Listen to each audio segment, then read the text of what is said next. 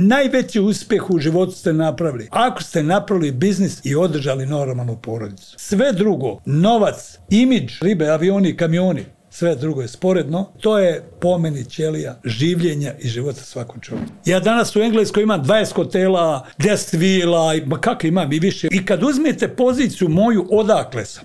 čekaj, tu nešto nije realno. Prva zamisao čoveka kad je došao do neke love, bilo da je zaradio, bilo da je ukro. Prvo je dobar auto i dobra kuća i dobra riba. To su tri stvari bez čega ne ide. Nema porodice koji ne trpi privatni biznis. Kogod kaže, taj laže. Dođem kod vas, prekopiram sve živo i dođem u fabriku, odmah ujutru sastanak, odmah primjenjuje sve što sam vidio.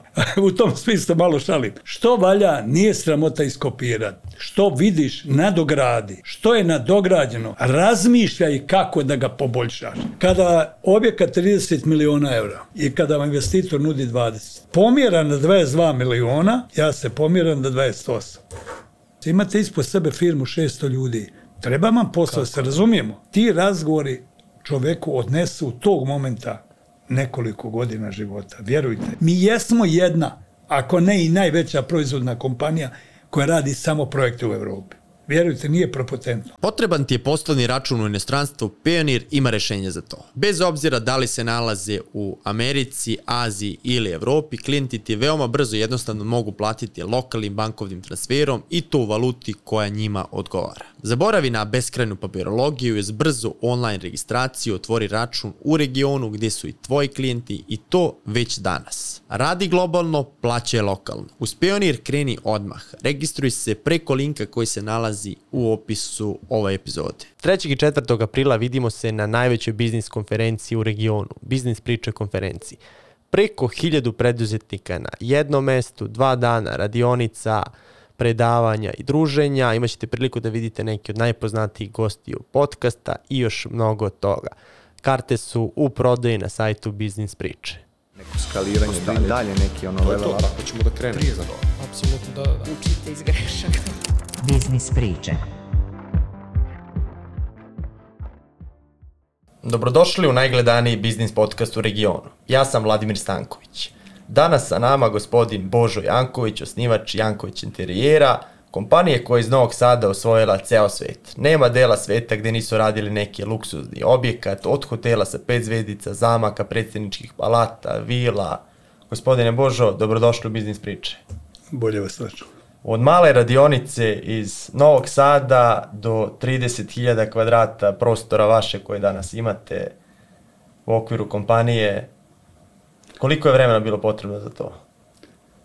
Od male radionice, firma postoji kad bi vraćali film vezano da sam živio u Hrvatskoj, firma postoji skoro 35 godina.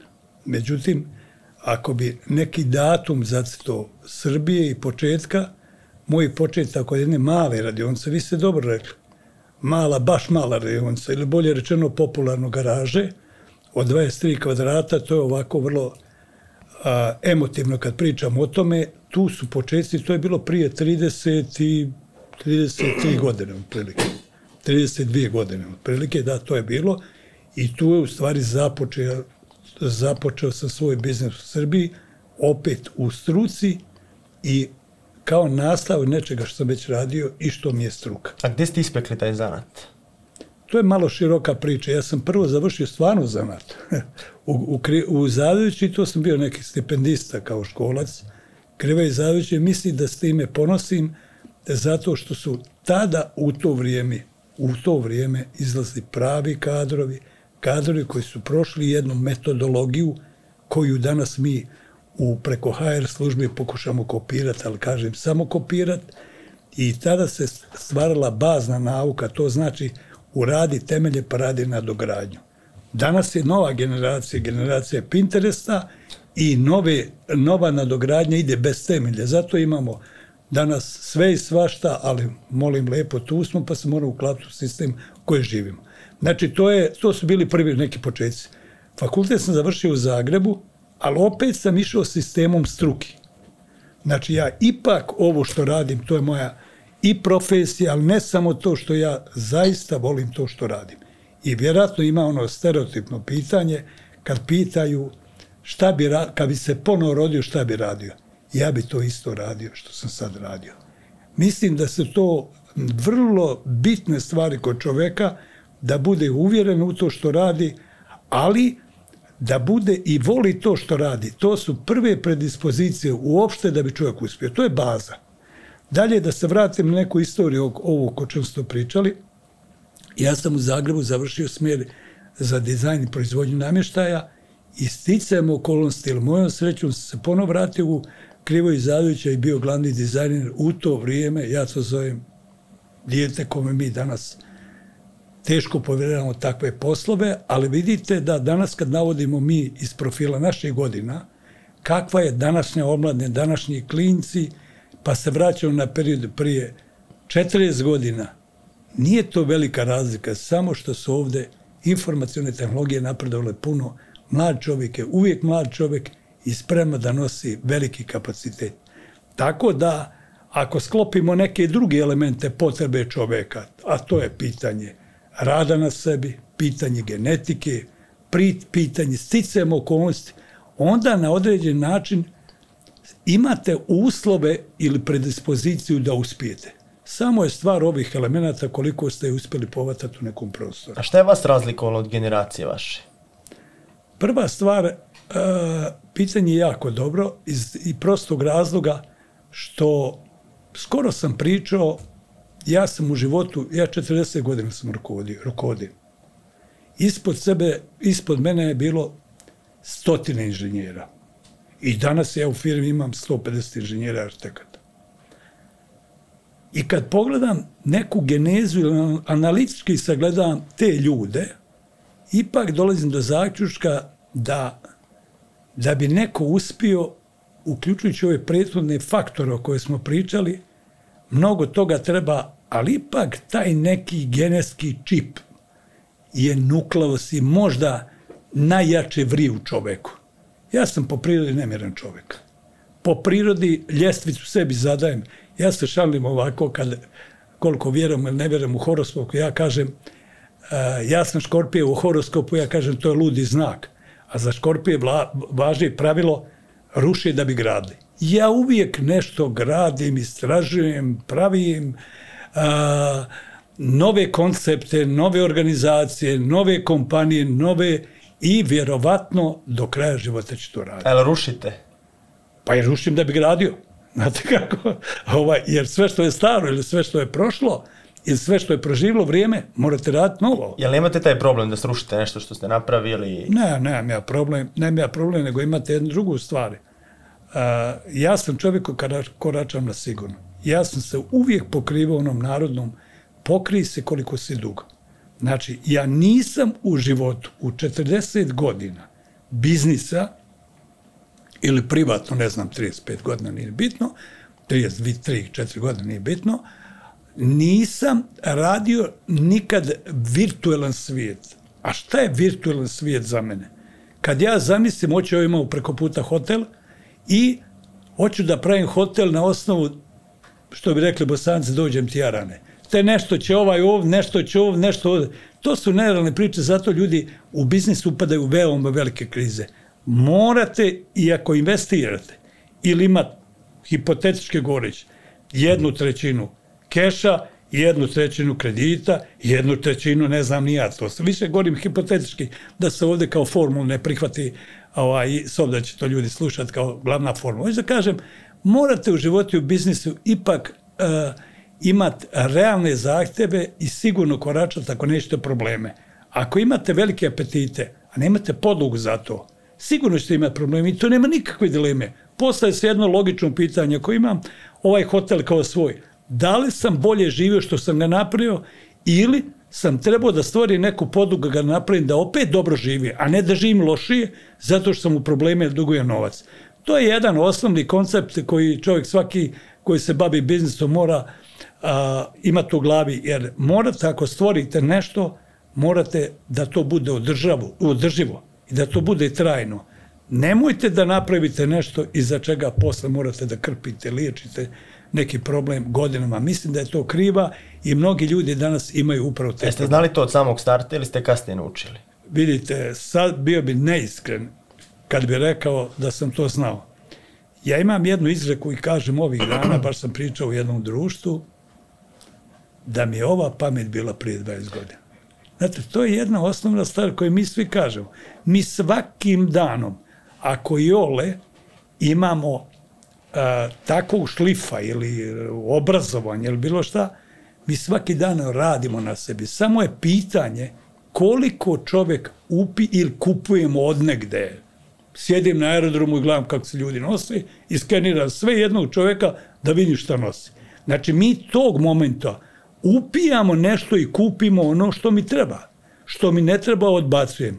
U tome smislu ovo što vi e, kažete, sasvim sigurno da sam ja, nisam to znao, ali ja stalno na sebi radim i preporuka je moja svima ljudima, e, kada radiš na sebi dobit rezultat. Ja mojim saradnicima kažem, ja sam uvijek puno radio, zaista. Ja sam bio u državnoj firmi gdje priprema se za kolegi do dva sata noći. Nije bilo kompjutera, nije bilo ništa, nije bilo telefona.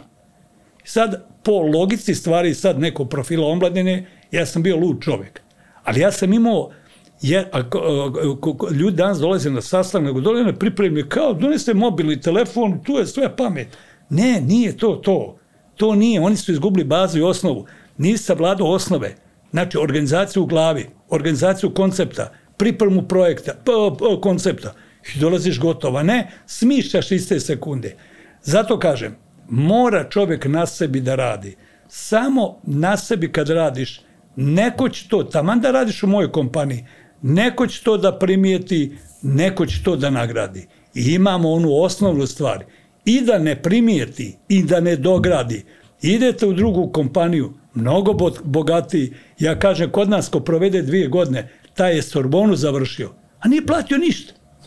Ja se, čak ja sam poslanec, pa onda znam se ovak, malo nešto, sve džabe, niš ne košta. Ja uložio u njega, ja plaću njegove greške, ja ga edukovao, dvije godine radio, izlazi moje kompanije, kao da je izašao iz najbolje firme Njemačke. Zato što je prošao jednu, jedne procedure, ima gdje da uči, ima da, način kako da uči, dobije nekog mentora i tako dalje. Meni su na jednom panelu neki studenti pitali šta bi ja njima savjetu kad završe fakultet. Ja kaže, pitanje odlično. Ja da završim sa fakultet, prvo bi pokucu na vrata najbolje kompanije. Pa on bi rekli, pa ne trebaš ti, šta ćeš nam? Mi nemamo, kod ne sve popunjeno. Ne, ja tražim posao. A onda kad kažu, ne, ne trebam posao, kažete, ne treba meni plata. Ko ćeš opet platiti? Ma ne, ne trebam platiti, još da radim.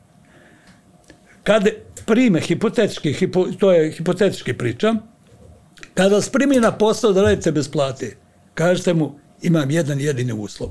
Koji? Dajte mi najboljeg mentora. Znanje je najveći kapital koji imate. I to ako primijete sad kod moj tonalitet, čak to emotivno govorim, toliko je neznanja, toliko je blata u ljudima, toliko je neumivenosti ljudi, pa da nije ni čudo što svaki dan ide u fabriku i tam zavrće neke šarafe ili neki menadžer, radi kao referent, cijeli, cijeli život radi za 1000 evra. Pa ja postavljam jedno logično pitanje, pa kako ćeš sa platom od 1000 evra kupiti? Prosječan auto, 25.000 evra, neku Toyota kupiš. 30, kada će kupiti? Možeš kupiti za 100 godina.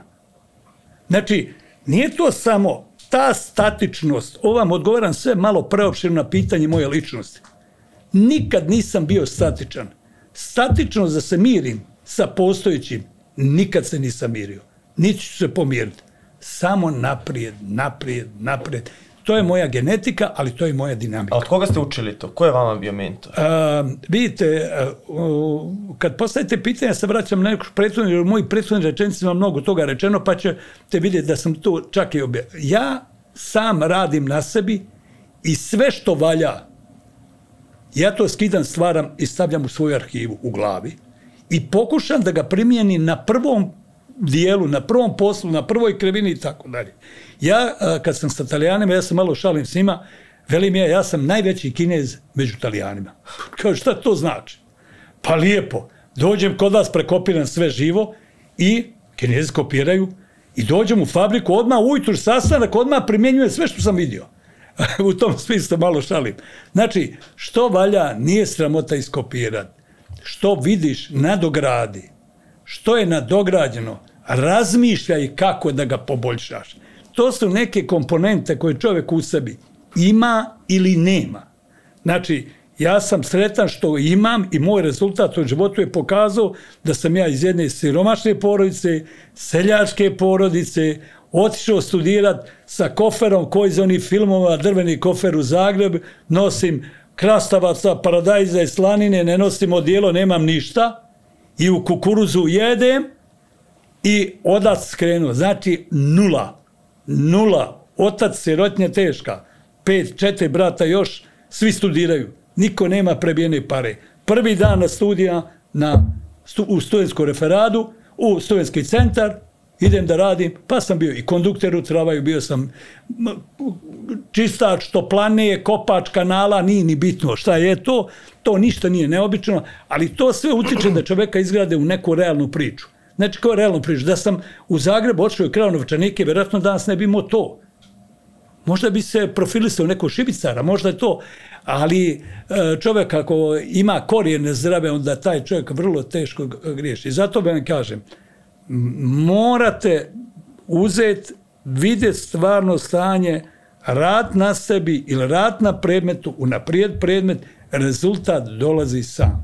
To je naravno pretpostavka e, jedna. Druga pretpostavka, morate znati kako povlačite poteze. Nije to sad, e, vi ste nadogradili to sve. Morate znati kako povlačite potez. Svaki potez je rizik. E, svaki potez u biznisu je rizik. Dovoljno da sad imate milion evra u ruci i neko vam kaže, slušaj, dobro, napravimo tu trafiku. Pa kakva trafika, joj, bit će lov, učite se u probleme nepotrebno. Znači, i to su sve stvari koje morate imati i kao menadžer i kao čovjek u sebi. Šta je vas nateralo da iz državnog sistema, velikog sistema gdje ste imali perspektivnu karijeru, da odete u preduzetništvo, da otvorite radnju, da krenete? Vidite, smatrao sam uvijek da mogu više, više, više, više. Kad sam radio u državnoj firmi, ja ću napraviti retrospektivu, kad sam radio kao dizajner, bio sam najbolji.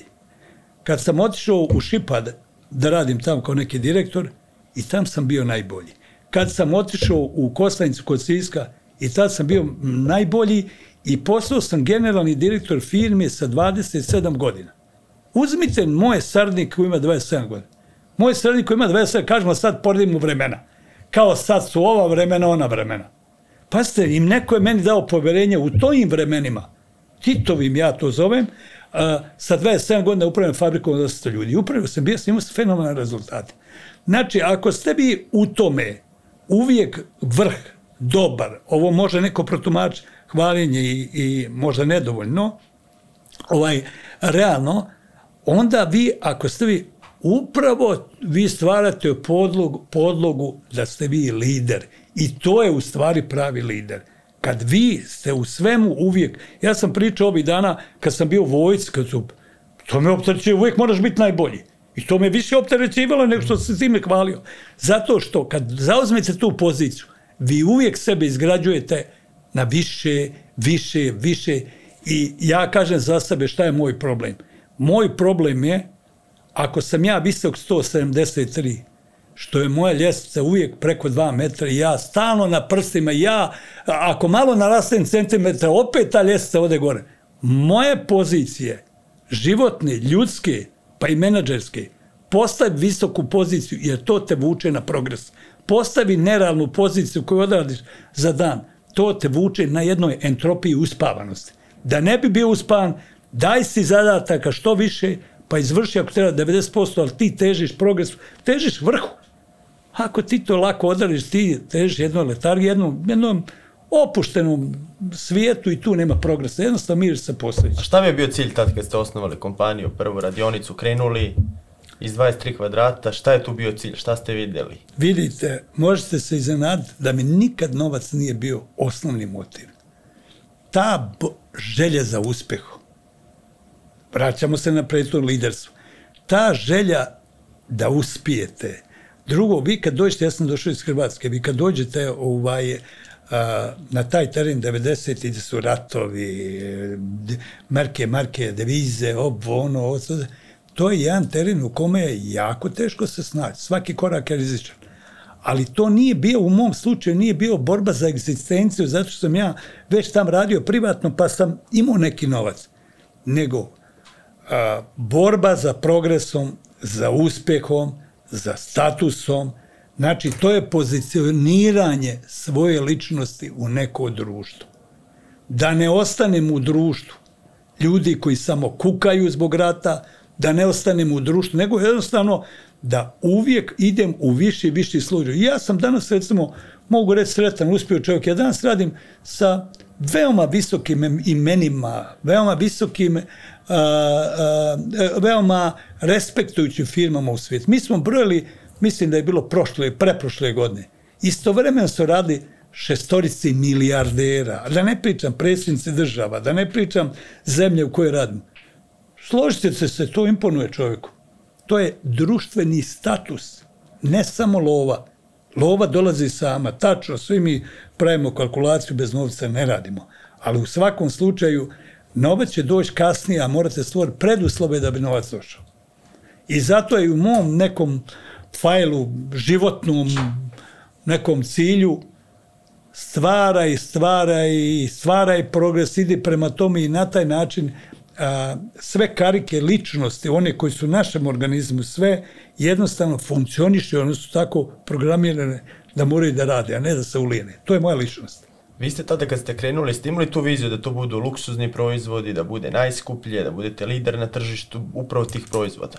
Nije bilo dileme, ne, mi ćemo sad da pravimo moram, cenovno, jeftino, da... Ne, ne, moram priznati uvijek, to je moj bio osnovni koncept. Samo top. Zašto? Reću vam, evo, javno pred auditorijom ako radi, ima ona na izreka, nisam dovoljno bogat da kupujem jeftine stvari. To što rade svi jeftino, prvo, znalo se još 90. da taj koncept proizvodno-tehnološki nije dobar. Zato što sam i tad znao da će velike kompanije pokupiti sve živo i rad tu jeftinu robu. Kao da sam bio prorok. Odmah sam, odmah sam ušao u, da kaže, visoki nivo, premiju, recimo, najluksuznija, ne znam, 2005. godine najluksuznija i najskuplja vrata na sajmu u Beogradu, pisale su novne i beogradske i niške i sve to, su bila moja vrata. Koliko su koštale? Tad su koštale 20.000 evra. Recimo, danas ili e, reference koje mi idemo, i danas pre, primjer sada, nećete vjerovati, u centru, centru Londona, mi imamo 12 objekata od koje aktuelni sad imamo šest.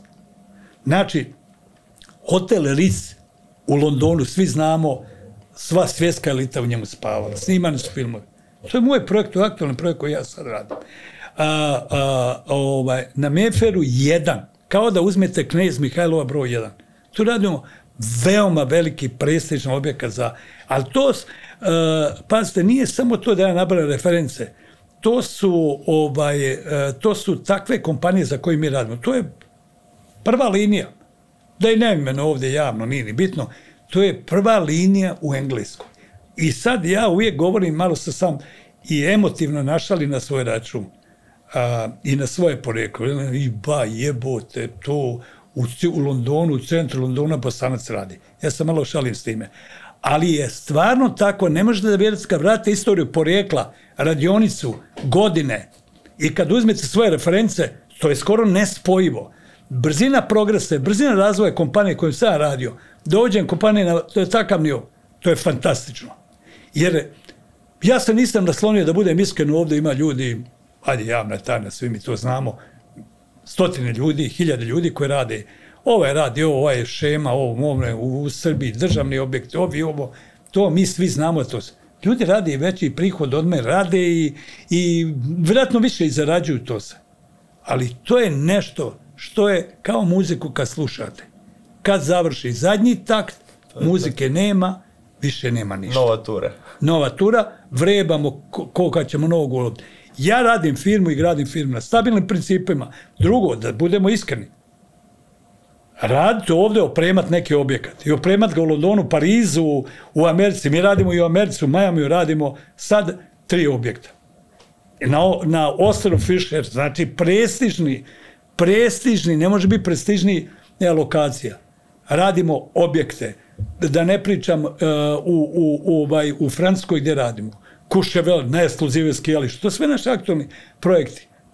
Abu Dhabi, Dubaj, Rusiju i da ne pominjem. To do- doćemo i do toga. Zanima taj prvi, kako ste taj prvi projekat sklopili, imali ste tu viziju, znači mora da bude luksuzno, vremena su bila teška, je bilo ta dilema ko će da, ko, će da kupuje luksuz sada i zanima me ko je taj bio prvi klijent koga ste dobili? Vidite, ja sam dolaskom u Srbiji pozicionirao otprilike kao tada, već pod navodnicima iskusan rukovodilac, procijenio šta nema. Pa sam sebi kazao, dolazi jedan sloj društva, ali to opet intelektualno neće. Moj otac reći, on je željezničar, on je sirotinja, nećemo reći neki arhitekta u birovu, jer nema ni on za to smisla. Neće on reći tada ni direktor Lesnine koji u to vrijeme bila Lesnina, Ostrožnica, tamo ne znam ja, Slovenija, Les i tako dalje. To sve ljudi koje sam poznao prije. Ja sam procijenio sam da trenutno dolazi jedan sloj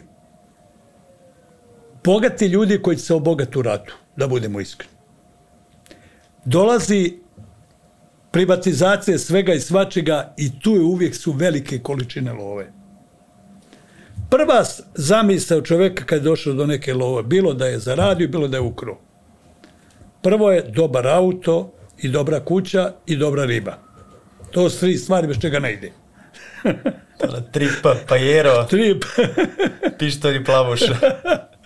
Znači, vjerujte, sam sam sebi dao projektni zadatak da sam rekao radi za jaku klijentelu. Dovoljno da na jednom zaradim. Zaradit više nego njih 20 da ja opremam. Ja počeo raditi tamo negdje u tu u Rumi neke trgovinice, benzinske pumpe. Čovjek me ponuja 8000 maraka i od toga mi pola i ne plati.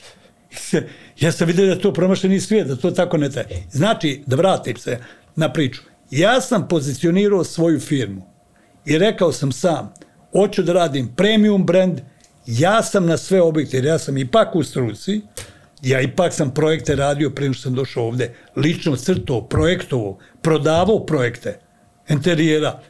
I ja poznajem posao i ja gdje god sam radio, lično sam na objekat svaki išao, u to vrijeme mjerio, konstruisao i tako dalje. Kasnije su došli druge ekipe i tako dalje, i AutoCAD i ostali program, nije bitno. Tada u to vrijeme nije bilo ni kompjutera, kad sam ja počinio u sebi. Znači, a, a, znači, tada sam znao kao, kuda i kako na koji način trebamo krenuti firmu. A kako ste došli do tih prvih klijenta? Su oni do vas došli, ste vi njih našli? Vidite, moja logika u biznisu je ovome što ja radim. Preporuka je najjača karta. I vjerujte i danas, ja sam rekao mojim saradnicima, juče sam pričao, ne trebate vi da prodajete robu. Barem isprate. Mi imamo toliki pritisak upite za ponudu, već imamo korijene sad u sadašnjem stadiju, vraću se ja na vaše pitanje, da mi jednostavno, mi imamo za 20 naše ukupnih prihoda upita za ponude više nek što mi, mi ne možemo ponuda uraditi. Nisto samo uporedne ponude. Pričamo o prestižne objekte gdje vi dobijete tendere recimo iz Singapura, dobijete tender iz Amerike, dobijete tender recimo na, uh, malo prije sam pomenuo Kuševel hotel 6 plus zvezdica, dobijete, ne znam, nije u Edimburgu hotel, dobije, hotel, vila i tako dalje. Ovo što vi kažete, kako, ima jedna formula koju bi volio da neko izvuče pouku iz ove priče. I ove priče imaju cilj da ljudi preslušaju, pro, proslu, poslušaju i da izvuku neku pouku da bi sebi dali neku vodilju.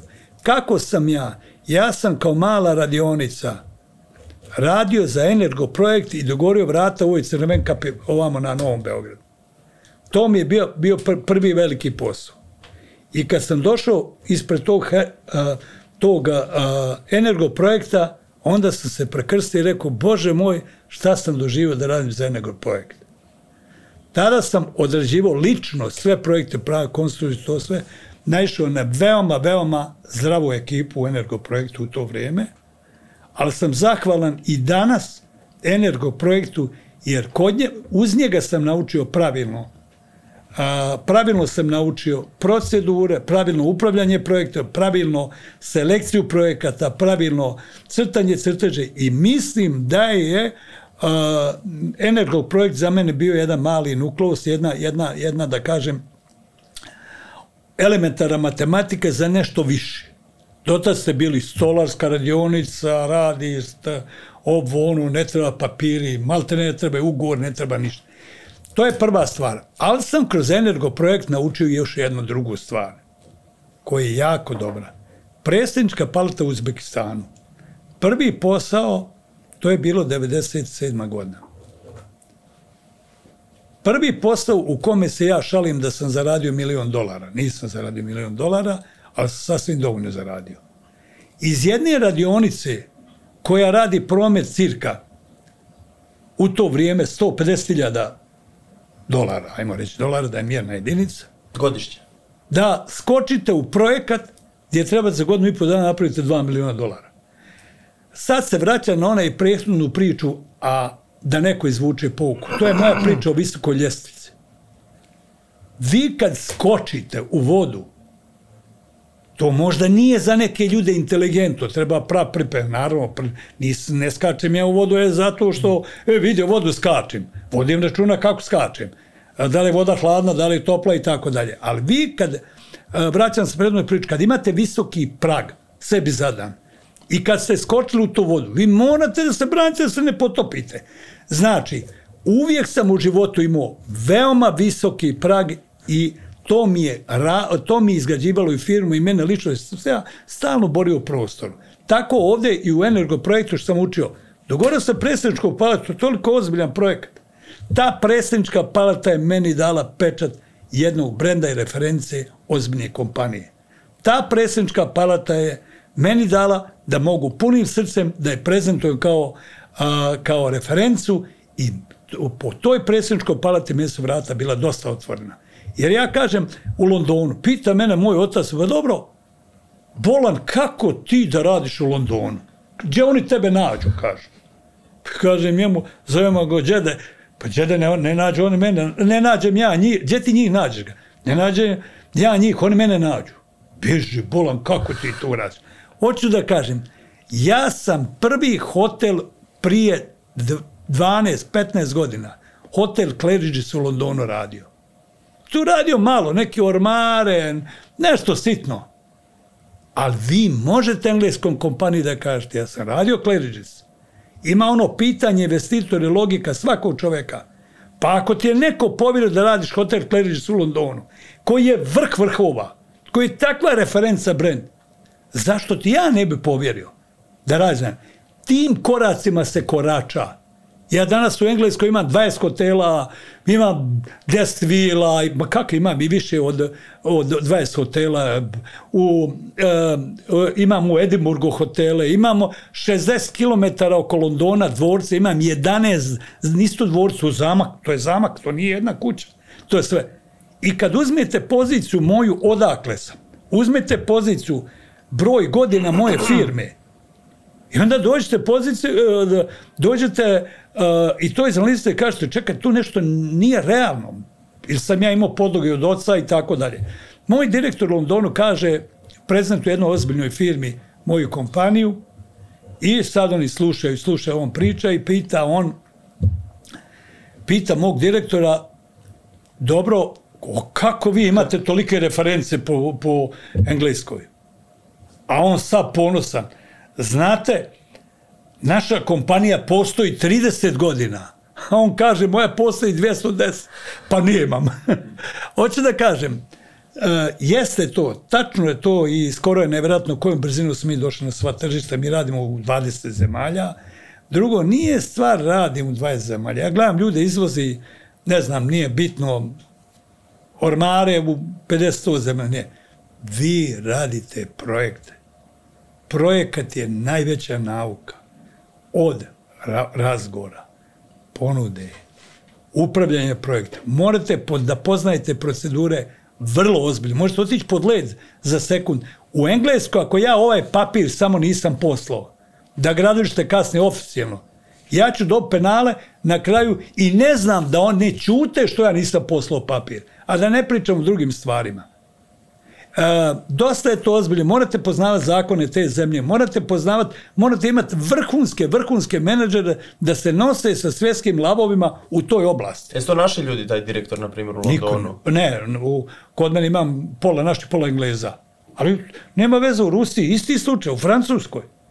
Vi se, s druge strane vam je uvijek Englez, ili Francuz, ili Rus, s druge strane vam je uvijek neko s kim se vi morate nositi. Ne zaboravite, pošto mi radimo dosta skupe projekte, dosta prestižne objekte, za te projekte su uvijek postavljeni ozbiljni menadžeri koji su vama face to face.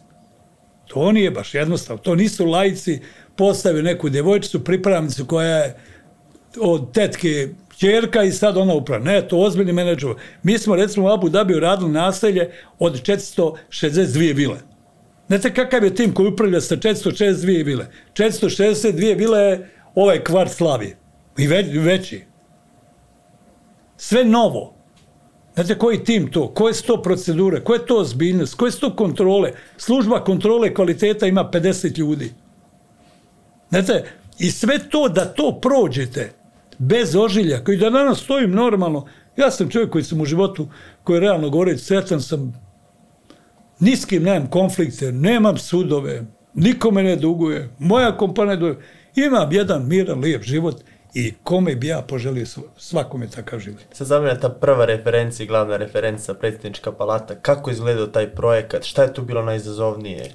Sve je bilo izazovno. Prvo, sve je bilo to što ja nikad nisam u životu A koliko vas je bilo tada u timu, u firmi? A, firma je brojala tam negdje, čini mi se, oko 120 ljudi, ali znam samo da sam na gradilištu na montaži imao samo 55 ljudi. Pola firme išlo na montažu. Ali u čemu je a, tajna? Opet se vraćam na moje izazove, to je dio moje ličnosti, ali s druge strane, a, moja nemirnoća za novim. U toj predsjedničkoj palati su recimo bila vrata koja u, u životu nikada nisam radio ni slično sva u zlatima, duborezima. Ja to nikad nisam ni vidio. Parket, to su sve u intarzijama, ja to nisam ni na slikama vidio. Sad se postavlja i druge stvari, namještaj i tako dalje, jer predsjednička palata ima i poseban standard koji mora da zadovolje neke druge kriterije zbog situacije, ovo, ono i tako dalje. I kontrola druga, protivpožarnosti, akustičnosti, milion stvari, nije bitno. A, ali kad vratim se na ovu priču prethodnu, jednostavno morate o, o, a, kad dobijete, nama dolaze projekti i stalno neki arhitekti, neki inženjeri usavršavaju neke stvari. I vi stalno nešto učite, stalno su vam izazovi, jer moji saradnici kažu meni, pa dobro direktore, mi smo radili, da kažem, još tri predsjedničke palete koje ovdje ne bih htio da govorim, ovaj, kako ćemo mi napraviti kalkulaciju? Kako ćemo mi to uraditi Luj 14 i 1500 modela? Ja kažem, uradit Kako? Pa s kim ćemo uraditi? Ja kažem, sa mnom. Z šta znači to? To ispada prepotentno kad ja to ovako pričam.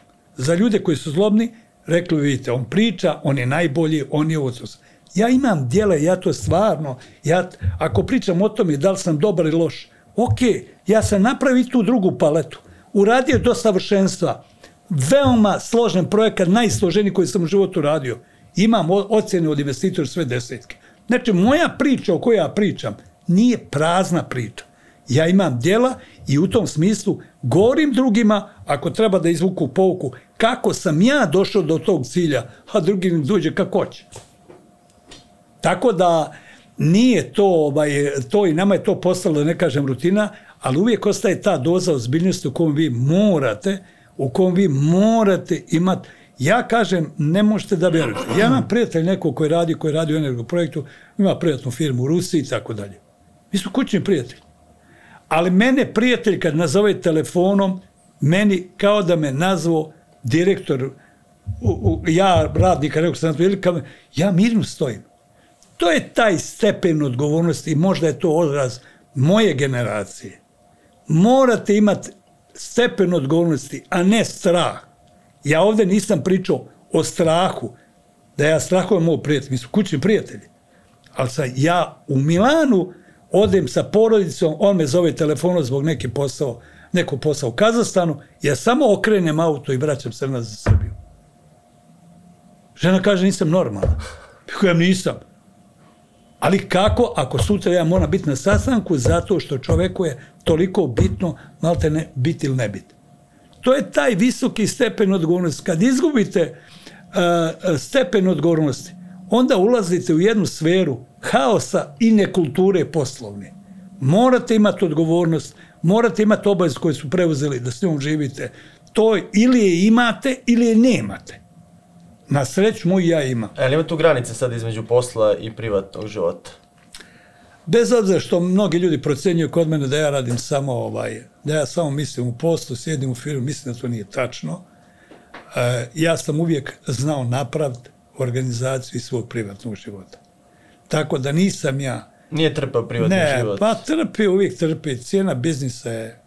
Ne možete da vozite najnoviju mečku, žena da je vozi i da ja sjedim pored nje. To ne ide. Imate dvaje stvari. Ili ću ja njoj do sad, pa će tražiti na Lamborghini, a meni firma propast, ili ćemo drugačije razgovor. Prosto nespojivo. Nema porodice koji ne trpi privatni biznis. Kogod kaže, taj laže. To je cijena kapitala i cijena komfora, cijena našeg a, komfora koji imamo na svakom koraku.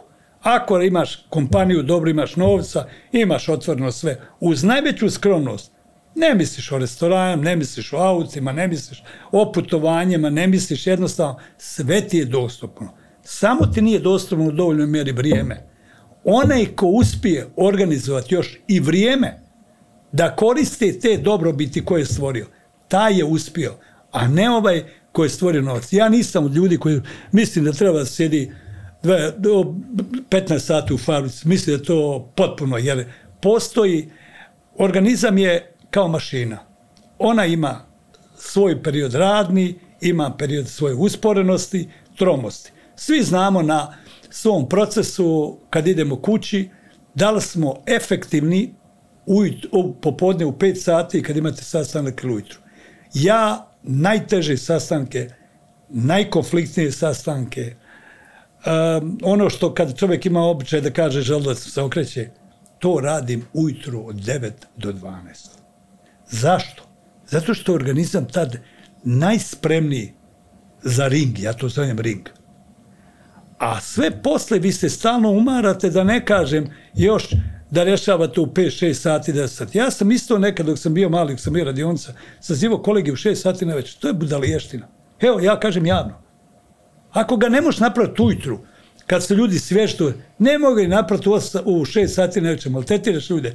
Koji je efekt čoveka koji gleda istrošen danas iz operativnog posla i u 6 sati sjedi i vi njemu sada držite neka predavanje, predike i peglate tamo šta nije riješeno, koji su problemi. Taj čovjek nije spreman da to absorbira. To ne treba da se radi. I ja govorim o sebi lično. Neko možda radi drugačije.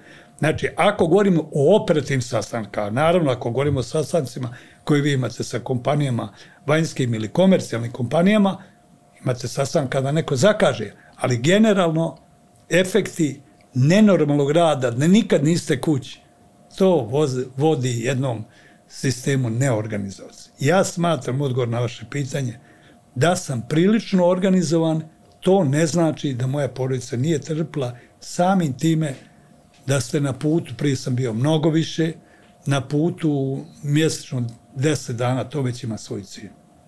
Sad zanima, pričali smo o projektima, vođenju projekata. Zanima me kako izgledaju pregovori za te ogromne projekte, posebno u tom samom startu. Su to komplikovani, komplikovana pregovaranja? Vidite, sad ću vam reći, e, postoji neki stereotip procedure koje se uglavnom u cijelu svijetu šablonski primjenjuje. Znači, bilo da radite u Rusiji, bilo da radite u Engleskoj ili u Americi.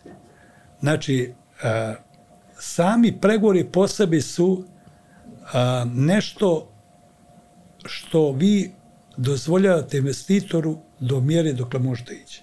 Znači, mi idemo i ja idem na te pregovore pripremljen. Imam baze troška, imam baze ovo, imam baze, ima to, sve ima. Ima moje saradnike. Doziram do one mjere dok ja mogu. Znači, ako je moja planirana profit, hipotetički govoreći, 30%, a a, u pregovorima pokušava investitore svojim metodama, pogotovo i to prisutno u arapskim zemljama. Tamo, A koje su to metode? Kako to izgleda? pa pazite, e, tražimo uvijek novi koncept izađe da vas, ovaj uslovom goreći, da govorim na najteže sastavljanje, da vas buni iz prethodnih. Sad to je široka priča, potrošilo bi cijelu emisiju kako to ide. On, vi ste došli s nekom pondu i s nekim elementima, on vam u prostoru promijeni, traži ustupak taj, ustupak ta, i onda kaže da, pa da, to će biti protiv požarno, recimo, a nije bilo protiv, to je mnogo skupe, to će biti to, to će biti to. Teško je na, objasniti na malom primjeru jednom, ali dosta je, dosta je, mi ipak radimo sa premium firmama, dosta je toga koje je potpuno normalno. Ja kažem, malo prije što sam pričao ovde za Englesku. U Engleskoj morate dobro da upravite projektom, da vodite dokumentaciju. Mi imamo vrlo pozitivno iskustvo što tiče toga. Ne razmišljate za plaćanje. Postoji jedan, da kaže, to ne znači da je na svakom projektu, ali u većini postoji jedan kulturno uređen poslovni svijet. FIDIK postoji da bi ugovor, da bi štitio i izvođača, a i investitora. Izvođač se boji Fidika kao da on štiti investitora. A to je jedno i drugo. Znači, to je poštovanje principa uzajemni. I zbog toga mislim da je, kad imate dobru ekipu, uhodanu ekipu, arhitekata s kojim, koji su u mojoj firmi, i kad imate ozbiljne firme, vjerujte, nije to tako ni teško. Jer to izgleda glamur, vi sad razgovarate, recimo mi razgovaramo o, potpisali ugovor u Mihenu, jednom najvećem centru, najveće svjetske kompanije za informatičke tehnologije, svi je znamo, svi je koristimo, neću da pričam, jer sam potpisao, ovaj, pa ste, vi do, prođete takve procedure, nama specijalisti dolaze iz Engleske da procenjuju našu firmu, ne finansko stanje, tehnološku opremljenost, razgovor sa saradnicima, organizaciju, organizaciju na projektu. To je misalno imenica ovde za, za 99% firmi. Ali to je biznis u kome mi radimo. Ali ne smatram da radimo e, da neko to krivo ne protumači, nešto što ništa drugo niko ne radi, niko ne može. Može, ali mi smo u tom fajlu u, u, ukrcali smo se u taj voz i mi tu idemo i nema problem nikad. Mi smo dosta uverzirani. Tako, Sećate nekog pregovora koje je ono što ste malo pre spomenuli da je bio najteži, da ga se sećate, da ono, se i želudac prevrće. I te kako, reću vam jedno ne, ne smijemo imenovati objekat. Riječ je o objektu u Rusiji. Kada objekat 30 miliona eura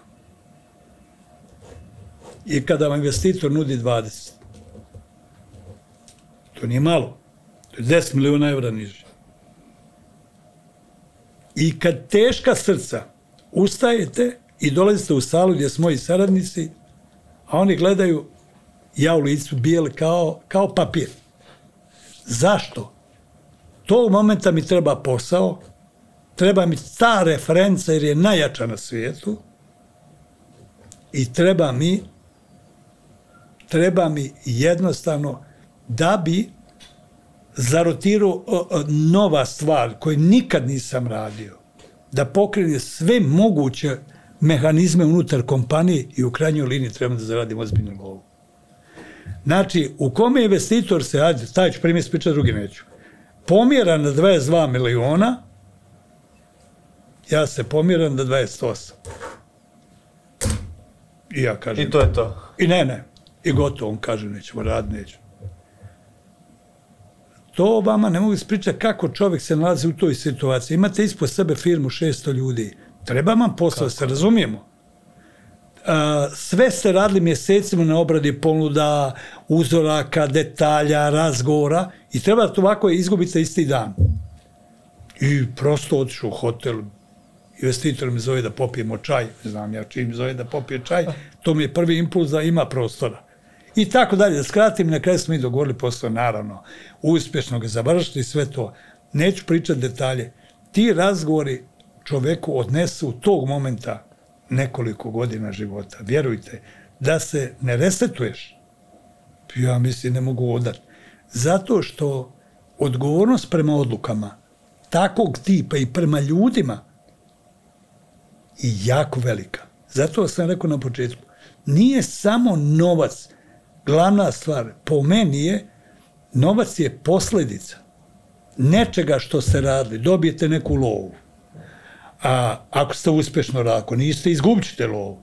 Ali Ove druge stvari koje čoveka vuku, jer jednostavno u prirodi morate imati za većim uspjehom, za, za a, dokazivanjem ličnim, ličnim dokazivanjem, mislim da je to u čoveku ili ima ili nema.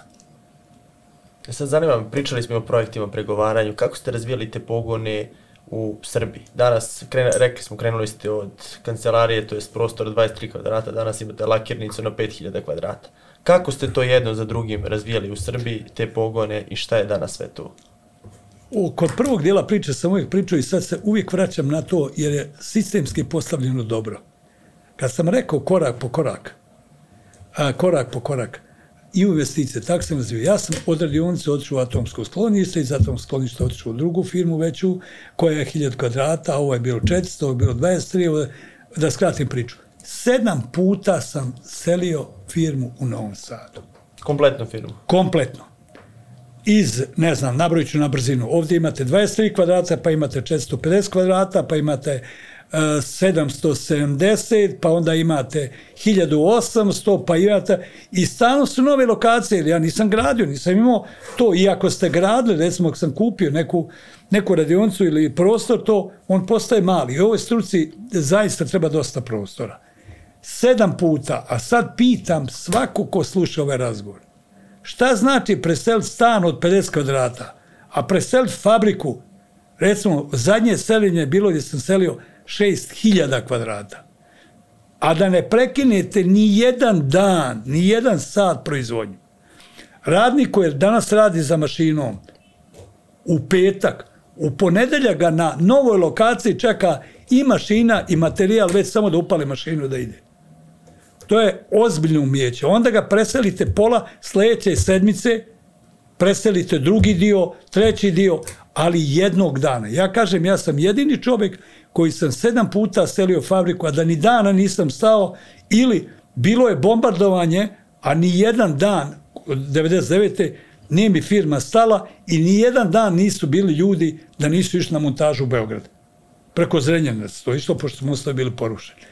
Šta, šta to znači? Morate u sebi imati tu neku pokretačku energiju. Nete, ja strašno osuđujem ljude i ne volim ljude negativne energije koji samo kukaju. Sve im je teško. Krije im je i predsjednik države, i predsjednik opštine, i porti, svi su krivi. Pa neće ti predsjednik države donijeti posao šefe za svuči rukave. Neće ti SNS ili bilo koja stranka prodaje tvoj robu u Americi. Čak i ako i komora naša koja radi to, neće mi ništa uraditi. Moraš sam da napraviš, ne, ne ja, teško, vidi ova političar, ovo, vidi kak stoji lopo, vidi ovi pokrali. Od toga nema koriste, gleda svoje dvorište, gleda firmu. Neće ti niko pomoći. Pričaj ti koliko hoćeš. Baba prošla s kolačima, a ti sjedi tu. Zbog toga i gore mislim da mnogi ljudi griješe, ne samo u biznisu, jer ovo su biznis priče, nego generalno u životu i savjetuje svako god ima samo neko sivilo vidi svi, beže od njega, posle on je siv, kide na groblje, tam kuka za mrtvima. To nema drugo rešenja. To je tako. To jeste. Kako izgleda danas taj proces? Dobili ste projekat, radi se projekat, imate arhitekte, proizvodnje je u Srbiji. Šta se sve radi danas u Srbiji? Šta se proizvodi? Je to za Londone se pravi u Srbiji, montira tamo? Pitanje je jako dobro. Mi smo sad uh, svešću na priču da ne bi zbunio, zbunio ovaj slušalce. A, mi sad radimo na 35.000 kvadrata, vi ste rekli 30. Napravili smo svjetsku fabriku, potpuno tehnološki je podijeli u jedne cijeline. I sad odgovor na pitanje. Znači, mi imamo cijelinu koja radi proizvodnju interijera i vrata, imamo drugu cijelinu koja također radi... To u Novom Sadu. U to u Novom Sadu. Imamo fabriku koja radi samo metal, to je sve u sklopu interijera. Imamo fabriku koja radi samo kamen, to je sve u sklopu interijera. Imamo fabriku koja radi samo prozor. Znači, imamo biro za kooperaciju koju za nas nabavlja robu koja je, koja je dio kooperacije nabava. Koja je centralna, koja za nas nabavlja robu za kompletiranje neki, neki stavki. Jer vi kao uđete u hotel, znate kad pogledate plafone, zidove, to je sve naši radovi. To je ozbiljna nauka, jer svi mi smo kritični kad dođemo i kažemo, vidi kako ovde spoj loš. A zbog tog spoja, on meni u englesku reći plat milion funti. To je težak posao. Morate poznavati posao. I zbog toga i govorim, mi danas radimo, mi smo ne zbog poklepnosti, nego zbog mogućnosti upravljanja a, projektom kompletno. Većina razvili, ma, a, u većini razvili male fabričice, koje su 50 do 100 ljudi, koji, koji a, i 30 ljudi, koji a, rade samo naše projekte. I u tome smislu smo mi kompletni i investitori to jako cijene jer hoće na jednom mjestu da riješe. Danas je jako teško, a, puko je proces kooperacije. Mi znamo svi na kom principu Italija je zasnovana. Na principu kooperacije, podijeljenosti. Svako radi svoju specijalu i to sve da bi došlo do idealnog projekta. Sve to pomalo puklo i u Italiji, i u Njemačkoj, a da ne pričam kod nas. To je nas natjeralo da napravimo jednu, da imamo sigurne ruke, da napravimo svoje proizvodnje koje kontrolišemo, a da se previše ne širimo. Vi kad kažete danas kompanija 600 ljudi, to je stvarno previše. A mi kad kažemo, a, a, mi sebi kažemo, to je normalno, za ovaj program to je odlična kompanija. Mi jesmo jedna, ako ne i najveća proizvodna kompanija koja radi samo projekte u Evropi. Vjerujte, nije propotentno. Zato sam se ogradio. Ja ne znam veću, a moji svi investitori koji dolaze kod nas, oni ne znaju veću fabriku koji radi. Na jednom mjestu ima toliko, recimo imamo arhitekata oko 150. Nama projektima i prateći elemente u birojima, konstruktori, arhitekti, drugi prateći, kooperacije, nabava, transport, 221 čovjeka imamo. Sve je vojska. U krajnjoj liniji to košta. A Da li imamo viška? Nemamo ništa viška, čak nasuprot.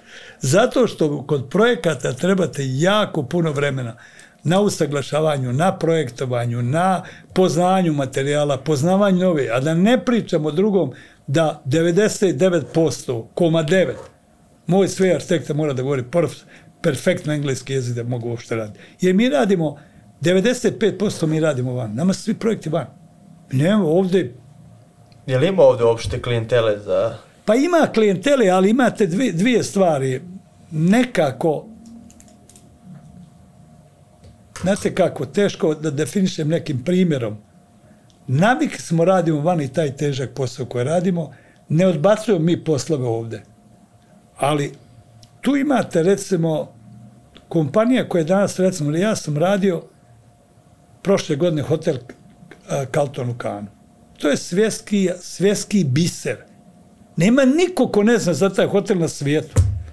I vi stanete u redu ovo sa nekim stolarom iz, ne znam, Biafre, nije bitno, neću pominje selo, ko ima 15-20 radnika i on te kada više od tebe jeftini 20%. Pa nek ti radi. Meni se želi da se okreće. Nismo mi idealni da mi ne možemo pogriješiti. Koji taj stolar? Ja, možemo i pogriješiti. Možete taj stolar to. Ali čoveč, ako radiš ozbiljan projekat, uzmi ozbiljnu kompaniju. I ta kompanija može pogriješiti. Mi možemo pogriješiti, da se razumijemo. Ali a, niko nije opresan greške, ali je rezultat, što kažu ljudi i meni stranci, nije problem, sad radi jedan hotel u Francuskoj a, gori i kaže Jankoviću, nije problem da je tu pogriješen, ali brzina rješavanja greške i otklanjanja greške To je snaga firme. Nije snaga firme pogriješiti, pa svi ćemo pogriješiti. Ima nesporaz. On, oni dali uzorak jedne boje, mi druge boje, mi pogodili boje, oni potpisali ovo, ona su... Nesporaz milion. Vi imate na, usaglašava, recimo, mi smo na jednoj vili, uh, koja je velika, naravno, jedna od najvećih koje smo radili u životu, imali oko 3600 uzoraka usaglašavanja. Pa znate koliko je to? 3600 uzoraka. Krenuli to košta. Uzorci koštali same 800.000 evra. Znači, to je takav posao. Ali hoću da vam kažem ovde, ne odbacujem mi poslo ovde. Imaju ovde ljudi takođe klijenteli koje može naš profil. Ali imamo i ovde dosta referenci. Ali u novije vrijeme smo uglavnom vani, jer ja na Dedinju imam samo, davno sam brojio prije 10 godina, imao sam 52 objekta koji sam ja radio. Malo ili više. Znači, Neću sad nabrajati jer ne želim ljude prozivati po Dedinju. Znam svaku ulicu Užička, Užička, uključujući Užička 23, uh, ovo je zgrada vlade Republike Srbije. Karadžorđevo, ovo, ovo sve. Sve, nikakve politike. Ja ni, ja ni, ja ni u jednoj stranci nisam, ne veze s politikom. Ne veze, ja nikad, kak, bio sam, što kažu, uh, u ono vrijeme kao direktor mora biti komunista, izbacili me iz partije, se zakače s partijom i nikad ja nisam bio ni u jednoj partiji. Niti me interesuje, ni danas, evo, nema. To je tako. Se zanima, ono, pričali smo, hotel se pravi u Londonu, isprojektovali ste i to sve ide iz Srbije, to se ovde pravi i šalje za London, je li tako? sve pozicije se, svi, kompletna uprava našim firma, naš devet firmi koje se nalaze vani, uprave se iz Novog Sada. Kompletno, od financija, od do. Naše vanjske firme, kao što u Rusiji, mi u Rusiji imamo ozbiljnu firmu koju u birovu imamo 46 ljudi. To je ozbiljno, 46 ljudi je ozbiljna firma sama po sebi, a ne u birovu produžena ruka matiča. Ima u Londonu, imamo u Parizu, imamo sve, nije ni bitno. I sve se ovde isprojektuje, sve se, svi investitori dolaze ovde. Nama veliki broj investitora je po prvi put došao u Srbiju. Zato je slika iz Srbije i naša, mi često puta kažemo, mi smo onako, zvuči politički, u političkom žargonu, ambasadori, uh, ambasadori Srbije. Ljudi kad dođu oni ne mogu da sk, sk, o, odat se utisku, o, o, pozitivnu utisku kakva je ova zemlja, kakvi su ljudi, kad mi smo reprezentanti, to, to ljudi nikad ni ljudi znaju samo da smo nešto ratovali, mi neke puške nosimo.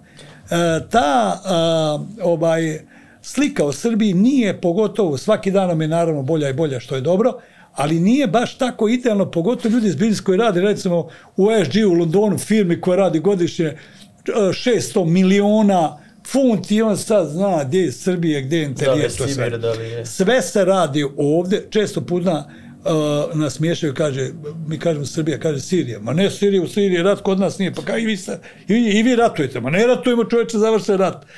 ovaj, šta sam teo reći? Šalu na stranu. Uh, uh, sve se uradi, sve se vozi odavde. Najdalja destinacija koju smo vozili, pored Amerike je Vladivostok, to vam je na granici sa Japanom. Sva roba se natovari ovde, odveze ili brodom ili kamionima. Naši ljudi idu na montažu, velikim dijelom uzimamo lokalce, to je, mi imamo uvijek puno montaža i za, što je zanimljivo, sve se napravi u fabrici, sve se odveze, sve se ugradi naravno sve se naplati. A koliko je izazovna ta logistika, posebno u prethodnom periodu gdje je bilo dosta turbulencija sa Pa logistikom? pazite, neko... se nije osjetilo. Ma jeste, kako da ne, mi imamo odlične ljude koji radi na tome, nema problema koje ne rešavaju. Ali vi dosta sankcije Rusiji, vi treba da isporučite 100 kamiona Rusiji. Došao je, ne znam, nija a, problem sa kontejnera, kontejner, mi ne vozimo ništa iz Kine, ali vozili smo robu za Ameriku, pa kontejner koji je bio 2000 dolara skočio na 18.000 dolara. Sve su to vi plivate, pa onda, ne znam, nija u Kataru radim u hotel Štajge Berger u Kataru, pa dođe korona, meni je zarobljeno 120 ljudi tamo na montaži. Trebate ga preko Sarajeva, ne znam, nija čega, da plaćate kartu po 3000 dolara, e, da dovesti ljude. Sve su to veliki problemi. Ali ja nisam čovjek koji, to je postalo toliko nama rutina. A kao što vidite, ja nisam uopšte ni nervozan čovjek. Ja zapišem ovo, liči na to, ali je u suštini to ima svoj sistem i to dosta. Mi imamo dosta dobro uspostavljeni sistem unutar kompanije. Ja mislim da svaka kompanija, ako nema sistem i organizaciju, to je ne haos kompanija, to je kompanija koja proizvodi probleme. Mi imamo dosta dobro postavljen organizacijni sistem, dobro, dosta dobro kadrovsku politiku vodimo i prema tome to sve skupo olakšava posao meni. Naravno da nekad to nije bilo, pa mi je bilo teže. Ja danas, kad radim na ovom nivou, meni je mnogo lakše što je bilo pre 10 godina. Što bi ljudi rekli obrnuto, kompanija je samo veća. Ne, organizacija od kompanije, standarde koje mi imamo, procedure koje imamo u kompaniji, kadrovsku strukturu koju imamo u kompaniji, tehnološka opremljenost, to je na dosta dobrom nivou, a sve su to polugi koje vam olakšavaju rad. Kom je pomagao kod tih sistema, kreiranja sistema, procedura? Moram priznati jednu stvar koja nije popularna da kažem, ja sam čovjek od nauke i za prvu ruku uvijek se angažovao. ili fakultete ili do provjerne ljude. U tome smislu, zato kažem, ne bih htio da se krivo protumači, ja respektujem cijelu nauku, jer mi, otprilike ja sam, kad sam završio fakultet, tražio svoje knjige sa fakulteta da čitam. I koje nisam čitao kad sam studirao. Tamo kad sam studirao, bilo bitno da položim. A sad kad sam počeo raditi u predi, onda mi je bilo bitno da znam. I ovaj, a, i u, angažovao sam često pute po dva, tri fakultete. Nema od toga ništa, to je toliko tanko. Nauka ovde, tehnološki se u svim oblastima toliko napreduje da naši profesori sa fakulteta ne stignu, ne mogu ili su toliko loše plaćeni da ne znam ni ja, ali oni ne mogu da isprate današnji trend brzine kretanja tehnologija. To su, govorimo sa tehnološkog aspekta. Sa organizacijnog aspekta, tvrdim svima, niko ne može, mi smo probali sve varijante. I fakulteta, neće sad ga prozivati jer odmah ispada loša referenca, ovo ono. Ovaj, najjača karta da napravite projektni zadatak, date najboljim saradnicima da daju prijedloge, na osnovu baze koju imate, oni e, i taj predlog obličite. To je nešto, to otprilike što važi, što kažu u Japanu, Japanci prvo kaže izore par pa pusti ljudi da prolaze, pa onda popločava taj dio da su ljudi prošli. Ovdje postoji jedna istorija problema koje smo i suočali, ova organizacija, odvoji projektni biro od inženjeringa, pa ga stavi u inženjeringe, pa imaš grupe, svaki e, dio tima projektnog ima svoj plan, pa nema ga plan, pa ovo sve, sve varijante smo isprobali i došli smo do jedne najbolje, najoptimalnije organizacije koja je garant stabilnosti i a, garant jednog uspeha kompanije, jer dokle god nemate stabilnu organizaciju u kompaniji, provjereno stabilno, imate probleme i borite sami s nečim, a ne znate ni šta vas je snašlo. To je tako. Kako danas mentorišete i radite sa menadžerima, rukovodiocima u firmi? A, Kako njih usmeravate? a ranije sam ranije sam radio dosta direktno, znači direktan, a, direktna linija. Imate tehničkog direktora, direktna linija, imate direktor inženjerika, direktna linija, pa onda direktna linija imate projekt menadžer na nekom projektu direktna linija. Mislim da je to godinama došla, kompanija došla na takav nivo da to ne treba da radi. Ne može, ako je firma, Božo Janković, on to nije firma, on će propasti. Znači, godina je kompanija narasla tako da sam ja stvorio tim. Znači, ja sad imam izvršnog direktora Peđu, koji je vas, iz, vas vama pričali ste, koji je kao generalni direktor firme koji operativno radi svaki dan po sistemu propisanom koje mi imamo kao procedure unutar kompanije. Sistem informisanja, mi smo jako puno uključili u taj segment, informacioni segment, sistem postavljanja na serveru, organizacija, ko koristi gdje podatke, kad i povlači, sve je postalo kao na dlanu. To je zahvaljujući naravno tehnologijama. Ali ako ne koristimo tehnologije informacione, onda otprilike smo u slijepoj ulici. Znači, na vaše pitanje kako upravljam. Upravljam tako što sve ključne informacije dolaze meni, na osnovu filtrirane informacija ja usmjeram ili prvu liniju board direktora ili otvaram temu koja se u proširenom dijelu a, analizira da se ne donese odluka neka koja je potpuno destruktivna i tako dalje. Tako da sistem uh, upravlja više sistemom nego individualnom nekim rešenjima, a još jedna stvar, nažalost, sve dobre ideje, nažalost, govorim, dolaze od mene, da li je to zato što ja imam najbolje ideje ili je zato što ljudi neće da preuzmu odgovornost na sebe. Kad ima ideju, mora imati odgovornost koju, koju je delu ideju predložio, ali, kažem, još uvijek to ja najvećim dijelom radim. Kako vama danas izgleda jedan radni dan u kompaniji? Ja sam rekao prije par mjeseci privilegija je biti vlasnik ovake kompanije. To kad kažete, to izgleda jako skromno. Ali zaista je i skromno, a istinito. Imamo, mi smo interjerska firma, lijepo uređene prostora, dođete u kancelariju sa jednim komfornom, visokom elegancijom i onda pregledate naravno sve izveštaje, sve ključne stvari i dijelaju te prema procesima koji su najaktuelniji i najpotrebniji tog dijela. I tako imate zadanu temu otprilike svaki dan. To je segment koji je operativni. Segment koji je eksterni, to je moja još uvijek velika zauzetost, zauzetosti direktne komunikacije sa klijentima. Znači, ja ne vodim komercijalu, ali neminovnost za sve velike projekte danas je, a vjerujem da će uvijek biti, da svi ozbiljni klijenti koji ulažu ozbiljan novac žele da ozbiljno razgovaraju sa prinčakom firme.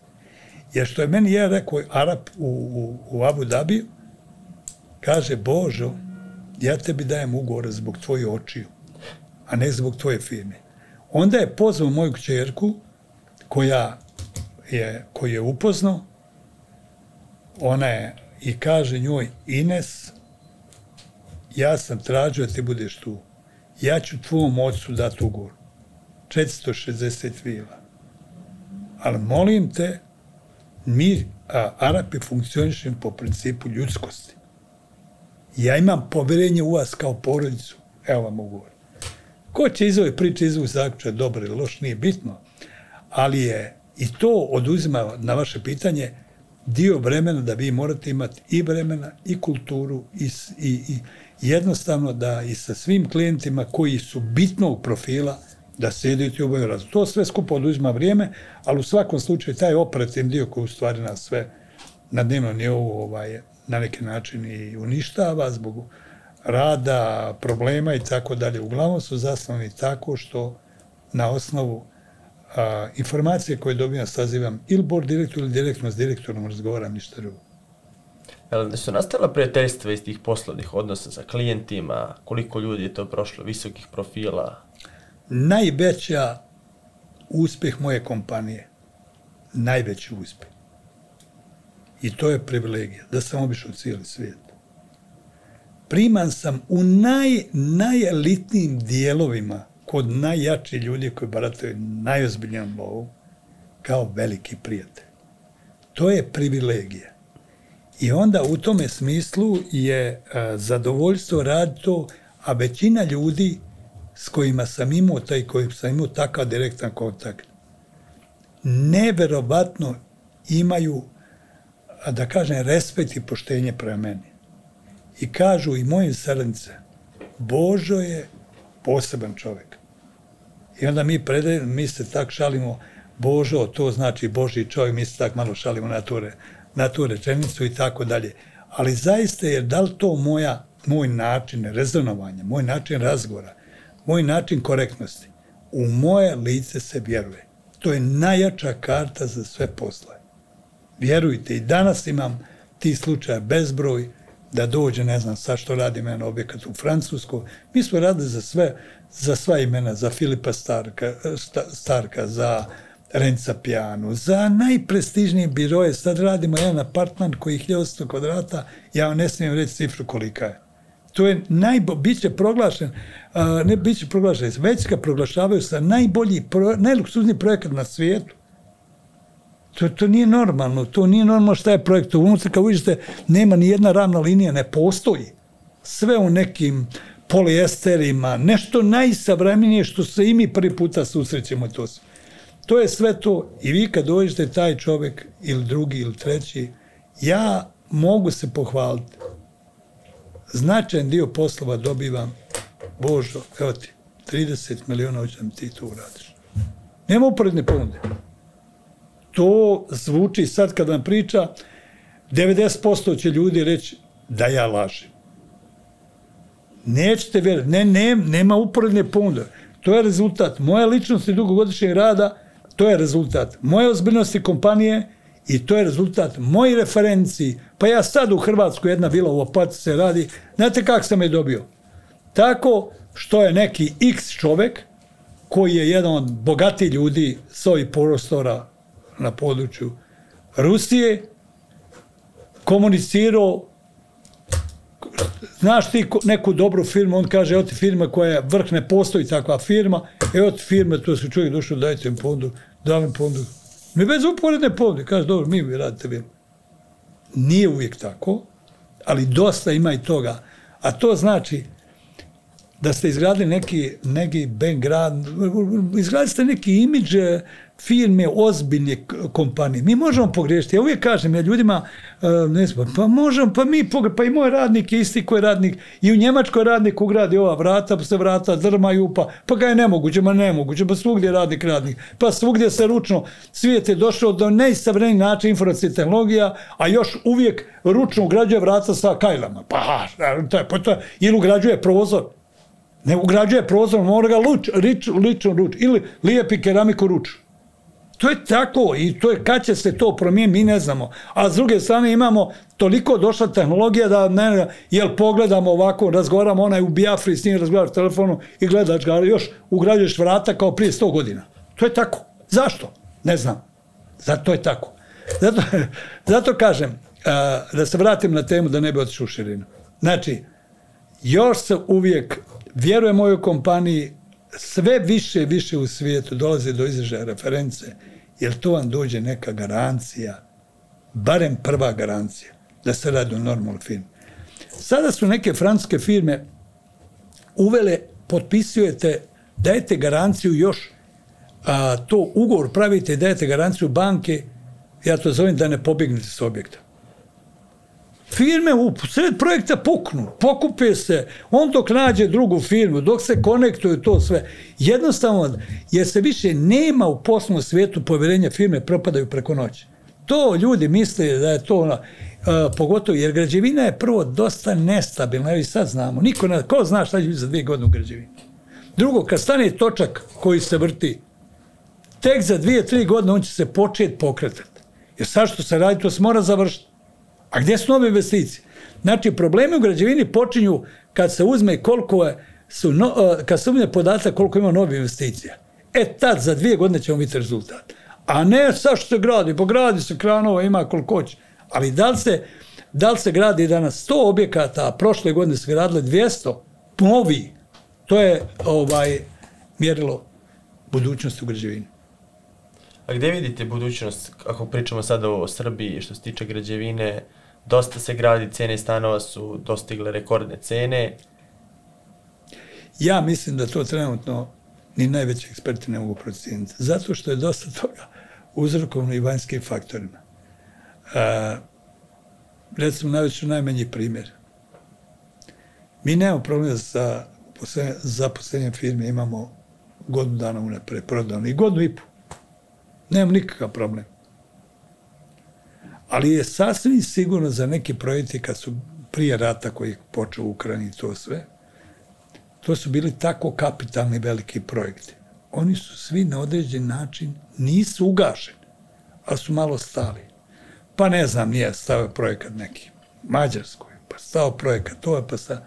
Znači, u sferu građevine doša, dešavaju se neke stvari koje niko ne može procijeniti. Vjerujte to. Ja kad sam ljudima govorio prije pola godine, šta će se dogoditi ovdje, se dogodilo u Mađarskoj, ljudi su rekli, pa to je nemoguće. A u stvari nije se, nisam pogodio. Nije se dogodilo ovde. Znači, tamo su kamate bile u to vrijeme 14%, ne znam koliko sad. To je logično posljedice na ovo. Ali, ovaj, kak se zove, e, ja imam neka svoja mišljenja zašto, zašto ovde ovaj, još uvijek građevina jako puno objekta. Mislim, jedan od osnovnih razloga prvo država, da se razumije, država puno ulaže. To je pokretač uvijek najveći. Drugo, kad je u pitanju druga stanogradnja, tu su razni faktori, ne bih htjela o njima govoriti. Nisu za, nisu za epizodu. Nisu za javni nastup. E sad, zanima me, pričali ste o tome vožnja u petoj brzini. Šta to znači u životu i u biznisu? Da je stalno peta brzina, da morate biti spremni i na promene i na nove inovacije, da odmah to što vidite primenite. A, vidite, čovjek koji radi biznis kojim ja radim, to nije prodaja paprika. Pa vi ste uspjeli i uvozite primjer sada mlijeko iz X iz Holandije ili cvijeće i to vrti ima neki mehanizam. Vi ovdje imate problem, morate stalno biti u trendu nekih novih tehnologija. To se vama ne čini, ali ja ljudima navodim primjer. Uzmite dizajn prije 10 godina kuhinje. To su bile one kuhinje bijele sa onim frontovima, korpus, da kažem u većini. Danas je obična kuhinja svemirski brod. Sve nas, sistem, tač, sve. Unutra ima u kuhnja, ljudi ne svate kod ovih skupi kuhnja, gdje je moje, moja klientela. Ljudi ne svate da ima kuhnja po 200.000 evra. To je komercijal, kuhnja. Ona je puna metala, inoksa, uređaja, nema šta u njoj nema. Da bi vi uopšte znali razgovarati, vi morate imati metodologiju od koga primiti informaciju, ko će vam biti saradnik na razgovorima, koliko će se edukovati i tako dalje. Ali da bi bili u trendu, ovo što ste vi sami rekli, vi, barem u mojoj struci to sam, nikad ne možete da spavate, morate uvijek biti bukvalno samo novo uči, novo idemo dalje. Mi završimo objekat, verujte, mi smo završili uh, objekat ovaj, uh, Bulgari u Rimu, Kalton Kan, Granu Kanu, uh, Lili Odabeli na bazovnoj obali. Uh, za, za, nama je to završen objekt, prebacno listu, idemo dalje. Čovjek nije ni završio i dobio novi projekat. Mi nemamo vremena da se veselimo. Zato kažem, zato što je takav tip posla, vi ste stalno našpanovani, stalno idete naprijed. Ovdje imate ekipu koja e, koja upravlja ponudama, ovdje imate ekipu koja komercijalno razgovara i tako dalje. Ovdje imate projekt menadžere koji se bave a, projekata koji su u razvoju, koji su u pripremu, imate ekipu koji su projekti koji su živi. To je jedan veliki mehanizam, ali da nemamo dobru, dobar sistem, organizaciju, to je bio takav haos, ne bi se moglo upraviti takvom kompanijom. Za kraj, šta biste poručili preduzetnicima i onima koji žele to da postanu? Neka tri saveta što biste vi volili da ste znali kad ste kretali? Prvo, ovdje je provejavalo u mom a, intervju jedna bitna stvar. Prvo, da uče od najbolji, kopiraju najbolje i rade na sebi. To je prvo. Drugo, ne mogu, pogotovo u početku, ne treba da gledaju preko ograde što ja vozim Mercedesa. Moraju krenuti i od manjeg nivoa ka višem, jer to su im sigurni koraci. Nije problem, mi znamo, nije jedan slučaj da mu je tata ostavio 5 miliona dolara, 2 miliona, nije bitno, uvalio ga u biznis, a on ništa. Znači, to sam, ja sam organizovao svoju porodicu potpuno na realnim osnovama. Evo kako sam ja uradio, baš u odgovor na vaše pitanje. Moja čerka je završila dizajn interijera u Firencu. Radila dvije godine kao dizajner i kaže, tate, ja završila dizajn, zate, ima nenormalno smisla, ja bi završila modu. Ona danas radi, ona ima svoj atelje Ines Janković, to mi je čerka, i ona a, radi realan biznis. Ona projektuje, ona radi proizvodnju, ja sam je napravio proizvodnju, ima mašini, ima sve, radi, potpuno realan biznis. Da li će ona otići gore? Do koje mjere? To zavisi od nje, ali je realan biznis zadovoljni, jer zamislite, druga čerka je završila dva državna fakulteta. Ima fabriku kamena koja je u sastavu nas. I radi super. Zašto to govorim? Govorim iz jednog drugog razloga. Ja sam u životu uspio jer sam realno razvio i kompaniju, razvio sam i porodicu. Mnogi ljudi upravo to nisu uspeli. Razvio je kompaniju, porodica haos. Ja to nemam. Moja djeca realno donose fakturu, čerka za kamen, pogađa svojim menadžerima kao da se nikad u životu nisu videli. Zašto? Najteži je novac koji se najlakše dobije. To vam u dubini proizvodi probleme, a ne sreću. Moje iskustva govore, kod drugih ljudi bogat koji sam sreo, vjerujte, u većini te ljude kad gledam iz profile, ti su ljudi nesretni. Pričamo ljudima koji su tipa milijardera. Ti ljudi su prazni. Ti ljudi su nezadovoljni. Ti ljudi su kao voštanje figure u mene. To je moje mišljenje. Možda vrijeđam neko. Ne generalizujem da svi. Čak i te glamur, žurke, brodovi, avioni. Plaču nekad i bogati, je ne plaču vrlo često. Ali kad to pričate, onda narod, e, narod ljudi kod nas ovaj, smatraju da je bogat čovjek tipa ja, tipa ne, ne. To nisu bogati ljudi. Ne pričamo o stvarno ekstremno bogatim ljudima. Najveći uspjeh u životu ste napravili.